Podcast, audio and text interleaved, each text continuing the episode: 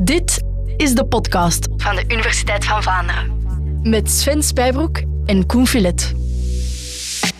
De vraag die we vandaag gaan beantwoorden is: helpen paddo's tegen piekeren? Waar zitten we? Op de Dag van de Wetenschap in Brussel op het Wetenschapsfeest. Dag Koen. Dag Sven. Dag luisteraar. Dag professor Dimitri de Bundel. Goedemiddag. U bent eh, farmacoloog van de VUB. Dat klopt, ja. Ja. U bent hier om een vraag te beantwoorden. De vraag is, helpen paddo's tegen piekeren? Paddo's, Koen, heb jij daar ervaring mee? Wij zeggen daar thuis paddenstoel tegen. maar- Ja, ja, maar dat is een soort paddenstoelen van als je die opeet, dan begin je rare dingen te... Ja, ja, daar heb ik echt- echt eerlijk, ik ben een eh, drugsmaagd. Oké, ja, ik, ik ook. maar gelukkig zit er dus een farmacoloog bij ons aan tafel om die vraag te beantwoorden. Ik weet al wat het antwoord is. Het is ja, hè? Wel, er wordt veel onderzoek naar gedaan en die onderzoeken zien er voorlopig veelbelovend uit. Ja. Ja, want we gaan het over drugs hebben. Eh, ik weet dat u niet van dat woord houdt. Nee, voor mij is dat woord perfect oké, maar allee, in, in, in het Engels, drugs, dat is heel breed. Dat zijn geneesmiddelen of drugs of abuse. En dan moet je er al iets gaan aanhangen, omdat eigenlijk dat negatieve aspect Ja, krijgen. ja. En in- ja, bij ons in het Nederlands is drugs direct het negatieve. Maar als farmacoloog zou ik zeggen, ja, alle drugs of abuse zijn potentiële geneesmiddelen en alle geneesmiddelen zijn potentiële drugs of abuse. Voilà. En alle dingen die verboden zijn, daarvan denkt de farmacoloog... Maar wie weet, misschien valt daar toch een geneesmiddel, een drug in de Engelse betekenis, uit te halen? Ehm, Of is dat te kort door de bocht? Dat is een beetje kort door de bocht. Hè. Uh, nu, allee, veel geneesmiddelen zijn op een strikte sensu verboden. Hè. Uh, als je denkt aan morfine, dat is een absoluut essentieel geneesmiddel om pijn te onderdrukken, maar allee, dat mag enkel verkocht en gebruikt worden in de context van geneesmiddel. Ja, ja, ja. En in die situatie zit je eigenlijk ook met psychedelica. Die kunnen eventueel op de markt komen als geneesmiddel. Twee voorwaarden. Je moet bewijzen dat ze veilig zijn.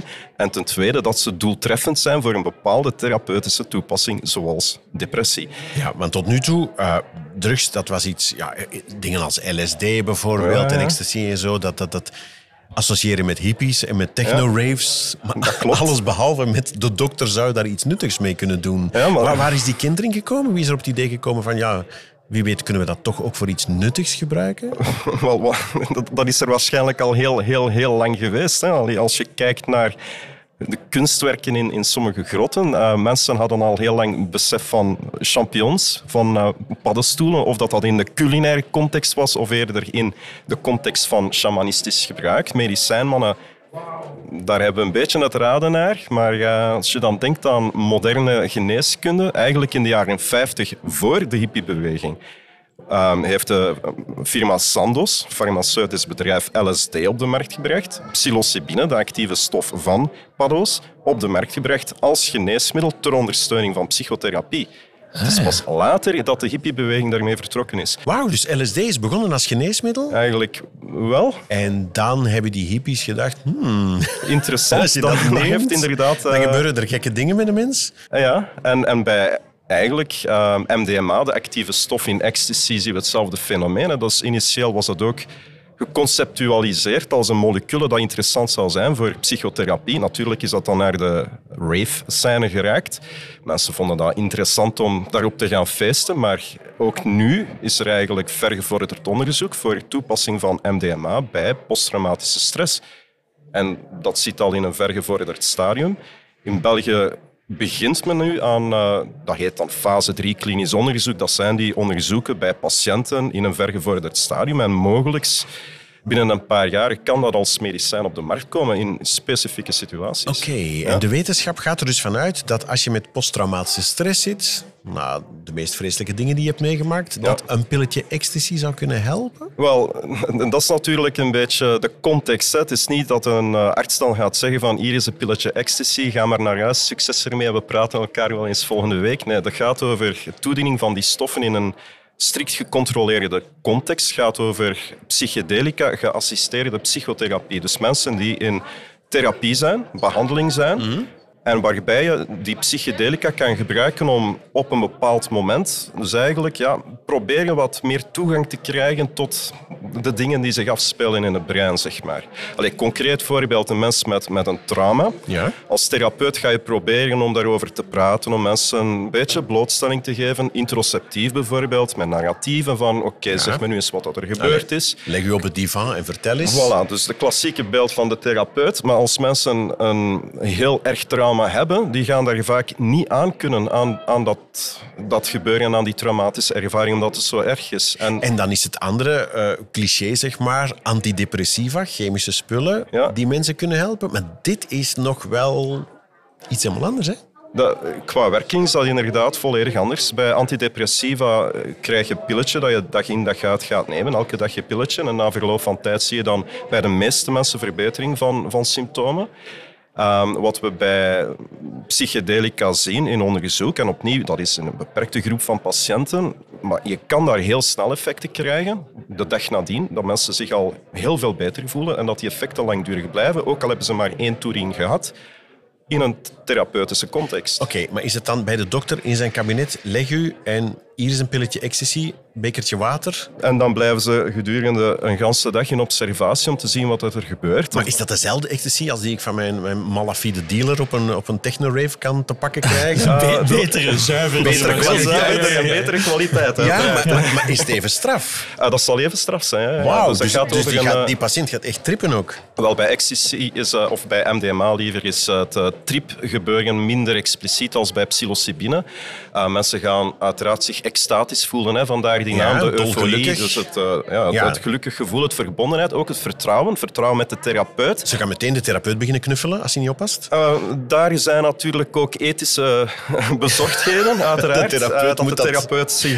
Zich uit de voeten maken. heel professioneel moet allee, bezighouden met die situatie. Maar het feit dat de, dat de patiënt dan dat vertrouwen heeft en ook het vertrouwen heeft om, om zich dan bloot te geven over het trauma. Hè.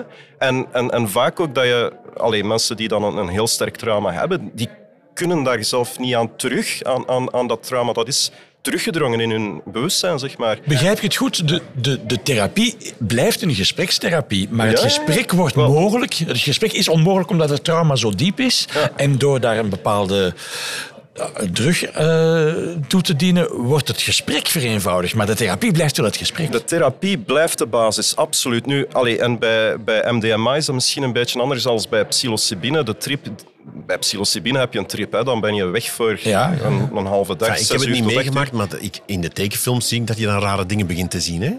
Absoluut, je krijgt eh, allerlei beelden die je gaat zien. Maar, eh, maar het is niet enkel het, het visuele. Hè. Dus, allee, als je kijkt naar de definitie van psychedelica, je hebt daar verschillende definities van, maar het zijn stoffen die je die hallucinaties gaan geven. Dus het zien van dingen die er niet zijn. Eh, Je krijgt- je wordt heel susceptibel aan suggestie. Als je muziek hoort van Tibetaanse keelzangen, dan ga je ook het, Tibet, allee, het gebergte in Tibet gaan zien. Dus dat, dat kan je er wel bij voorstellen. Maar ook het cognitieve, de denkprocessen die beïnvloed worden en het emotioneel. Hè. Je gaat je heel anders gaan voelen. Maar dat gaat alle kanten op. Hè? Dat kan alle kanten Dat vind ik er op zo griezelig aan. Je kan ook een bad trip hebben, toch niet? Absoluut. Ja. Ja, ja, dus het is, het is niet zonder risico om Ja, zo'n dingen absoluut. te En, dienen. en vandaar ook dat, dat het niet zomaar is van hier is je pilletje, ga naar huis en amuseer je. Of er kan van alles gebeuren. Nee, het gaat over, men spreekt over eh, set, setting. En dan heb je nog de integratie. Wat is de set? Ja, de patiënt wordt voorbereid. Hè? Dus in verschillende therapiesessies van oké, dit gaat er We gebeuren. gaan iets doen met u, verschiet we niet. voilà.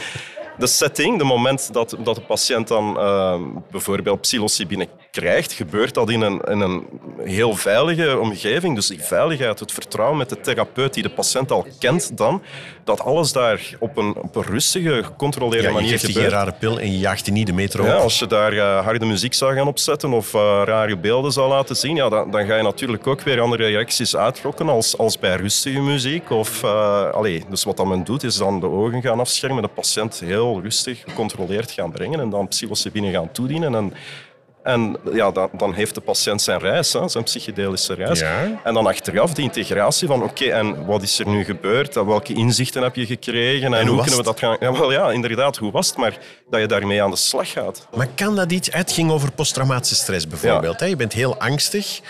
Als je zo'n paar keer zo'n pil hebt gehad en een paar keer in de dokter zijn kabinet hebt kunnen trippen, word je dan minder angstig? Nee, nee, nee, nee, nee, Sven. En daarover met de dokter hebt kunnen praten. Oké. Daar gaat het over. Ik zou misschien toch proberen om MDMA en psilocybine een beetje uit elkaar te halen, want de toepassingen zijn allicht anders. Maar bij MDMA en uh, posttraumatische stress zien we dat patiënten die al jaren uh, posttraumatische stress hebben, echt heel ernstige symptomen, na een aantal sessies effectief beter zijn. En, en een, een, belangrijk deel van de patiënten, uh, één op drie bijvoorbeeld, hè, vrij snel gewoon geen symptomen meer heeft. Maar dat is heel straf. Hè? Ik Dat- zou dat verwachten, oké, ja. die patiënt is gelukkig voor de tijd van de Nee, trip. nee, nee, nee, nee. Het is- Hè? Net zoals als u mij een beetje vlotter wil krijgen in gesprek, geef mij een halve fles witte wijn en Ja, dat gesprek voilà. gaat hier een heel andere Ja. kant op gaan. Absoluut. Maar dat het een blijvend effect zou hebben? En Dat is inderdaad het, eh, het fascinerende aan die moleculen, dat je een blijvend effect hebt.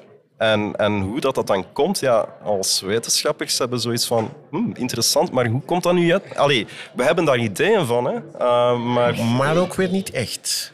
wel, Niemand weet precies wat daar chemisch in die hersenen gebeurt. chemisch kan ik u vrij gemakkelijk uitleggen wat dat er gebeurt. Um, als ik hier terug mag gaan naar psilocybine, dat is dan een molecule dat inwerkt op een bepaald type van serotonine-receptoren. Serotonine 2A-receptoren die geactiveerd worden. Ik was al bang dat ik het gevraagd had. maar, maar, maar dan is nog maar het tipje van de ijsberg, want dat wordt het heel raar. Want serotonine, dat is een, natuurlijk een signaalstof die we zelf in onze hersenen aanmaken, bindt op diezelfde receptoren, maar dat is geen hallucinogeen. Maar dan heb je hallucinogenen die op dezelfde receptoren werken en dan wel zijn. En het, het wordt heel raar, Ja, ja. Het farmacologisch. wordt echt heel ingewikkeld. Dus maar begrijp ik het goed? De- jullie weten dat het werkt, maar je weet niet echt waarom het werkt. Wel, ik, kan er wel een beetje verder op ingaan. Hè. Als we kijken naar preklinisch onderzoek, wat dat men dan doet bij, bij proefdieren, is zien oké, welke veranderingen grijpen nu plaats in het brein. En dan zien we bijvoorbeeld met psilocybine, één toediening kan langdurig ervoor zorgen dat je meer connecties krijgt tegen zenuws, tussen zenuwcellen. Dat die zenuwcellen bijvoorbeeld beter met elkaar gaan communiceren. Men spreekt daarover plasticiteit, dus een, een, een verbeterde Ah, communicatie. ja, ja. En dat is ook op... Ja, dat moet je dan met geneesmiddelen op ratten testen en zo. Op muizen en ratten zien we dat ratten LSD geven en kijken wat er gebeurt met hun Bijvoorbeeld, of psilocybine geven en dan Ja. zien we dat er gebeurt. Ja, natuurlijk, wat voor psychedelische ervaring gaan die... Allee, Welke gedachten dat- en beelden dat die hebben, dat exact, weten we niet. Dat weten we niet, maar we zien dat er daar bepaalde veranderingen gebeuren in de hersenen. En bij mensen kan je dan hersenscans gaan nemen, zien wat dat veranderingen zijn in activiteit in de hersenen. Dan zie je ook langdurige effecten. Bijvoorbeeld, ja, men spreekt dan over een vermindering van mo- netwerkmodulariteit. Wat wil dat nu zeggen? Dat verschillende delen van de hersenen blijkbaar meer met elkaar gaan communiceren. Ja, maar dat is goed en slecht nieuws tegelijk. Hè? Voor mensen die met hersenen die psychologisch in de problemen zitten, Ja. vind ik het goed nieuws dat als je een chemisch stofje toedient, dat dat een langdurig effect kan hebben. Maar dat wil dus ook zeggen, als je gezonde hersenen hebt en je gebruikt die producten, dat dat ook een langdurig effect kan hebben op je hersenen. Dat gaat ook een langdurig effect hebben, maar dat hoeft daarom geen slecht effect te zijn. Dus dat, allee, Nee, dan, dan maar kan misschien je, ook weer wel. Ja, dan kan je kijken naar echt grootschalige onderzoeken die gebeurd zijn. Gewoon bevraging van recreatieve gebruikers. En dan heb ik echt wel over meer dan 100.000 mensen. En kan dan zien, is het gebruik van klassieke psychedelica, LSD, psilocybine. En opnieuw, ik ga hier heel specifiek over dat soort moleculen spreken en dan niet over MDMA enzovoorts, maar klassieke psychedelica, hebben die een negatieve impact op mentale gezondheid bijvoorbeeld? En het antwoord daar is nee. Ah ja, je wordt verteld dat je daar psychotisch van kan worden, maar dat is niet zo. Dat kan. dat kan. Ah, voilà. Ja. Wat toch een klein nadeeltje is, hè? Daar zijn we het over eens. Daar zijn we het absoluut over eens. Maar grosso modo, bij de meeste mensen heb je daar geen negatieve effecten. Misschien in tegendeel dat je een associatie hebt met minder depressie. Of het kan natuurlijk ook zijn dat mensen met een bepaalde levensstijl minder geneigd zijn om depressief te zijn en dat die dan in die levensstijl ook meer psychedelica Ja, gaan hè? gebruiken. Dus causaliteit, ja, ja. hè, Ja, maar het is toch een beetje tijd voor de bijsluiter ondertussen, Absoluut. denk ik dan. hè? We gaan verder over psychotische Ja, effecten. voilà. Voilà. Hè, jonge mensen bijvoorbeeld die, die eh, joints roken of zo, Ja, ja, ja. daar is ook van bekend Absoluut. dat een aantal ervan kunnen beginnen hallucineren, dat dat echt gevaarlijk is, dat je er moet mee oppassen. Ik neem aan, als, als iemand hier nu luistert, ah, ik ga straks naar een dealer, want ik voel me niet zo goed, ik pieker een beetje te veel, Ja, ja. ik ga een pil gaan halen, dan zegt u toch van, ja, nee, doe dat niet. Dat is... Geen goed idee, absoluut. Nee. En, en allee, het is daarom dat ik er ook op hamer. Het gaat over psychedelica geassisteerde psychotherapie. Dus de, de, de klassieke therapie blijft de basis. En ten tweede, dat risico op psychotische effecten, effectief, dat bestaat. Hè. Dus bij recreatieve gebruikers eh, is dat ongeveer 1 op 1000. Als we kijken nu naar het, dat mensen een, een psychose gaan Ja, ja. doen, ten gevolge van een Dat psychedelica, dat is niet niks. En het risico wordt natuurlijk sterk verhoogd als je familiaal risico hebt, genetische aspecten, of als je zelf al een psychotische ervaring gehad hebt, ja, lijkt het op dit moment geen goed idee om te gaan experimenteren met psychedelica.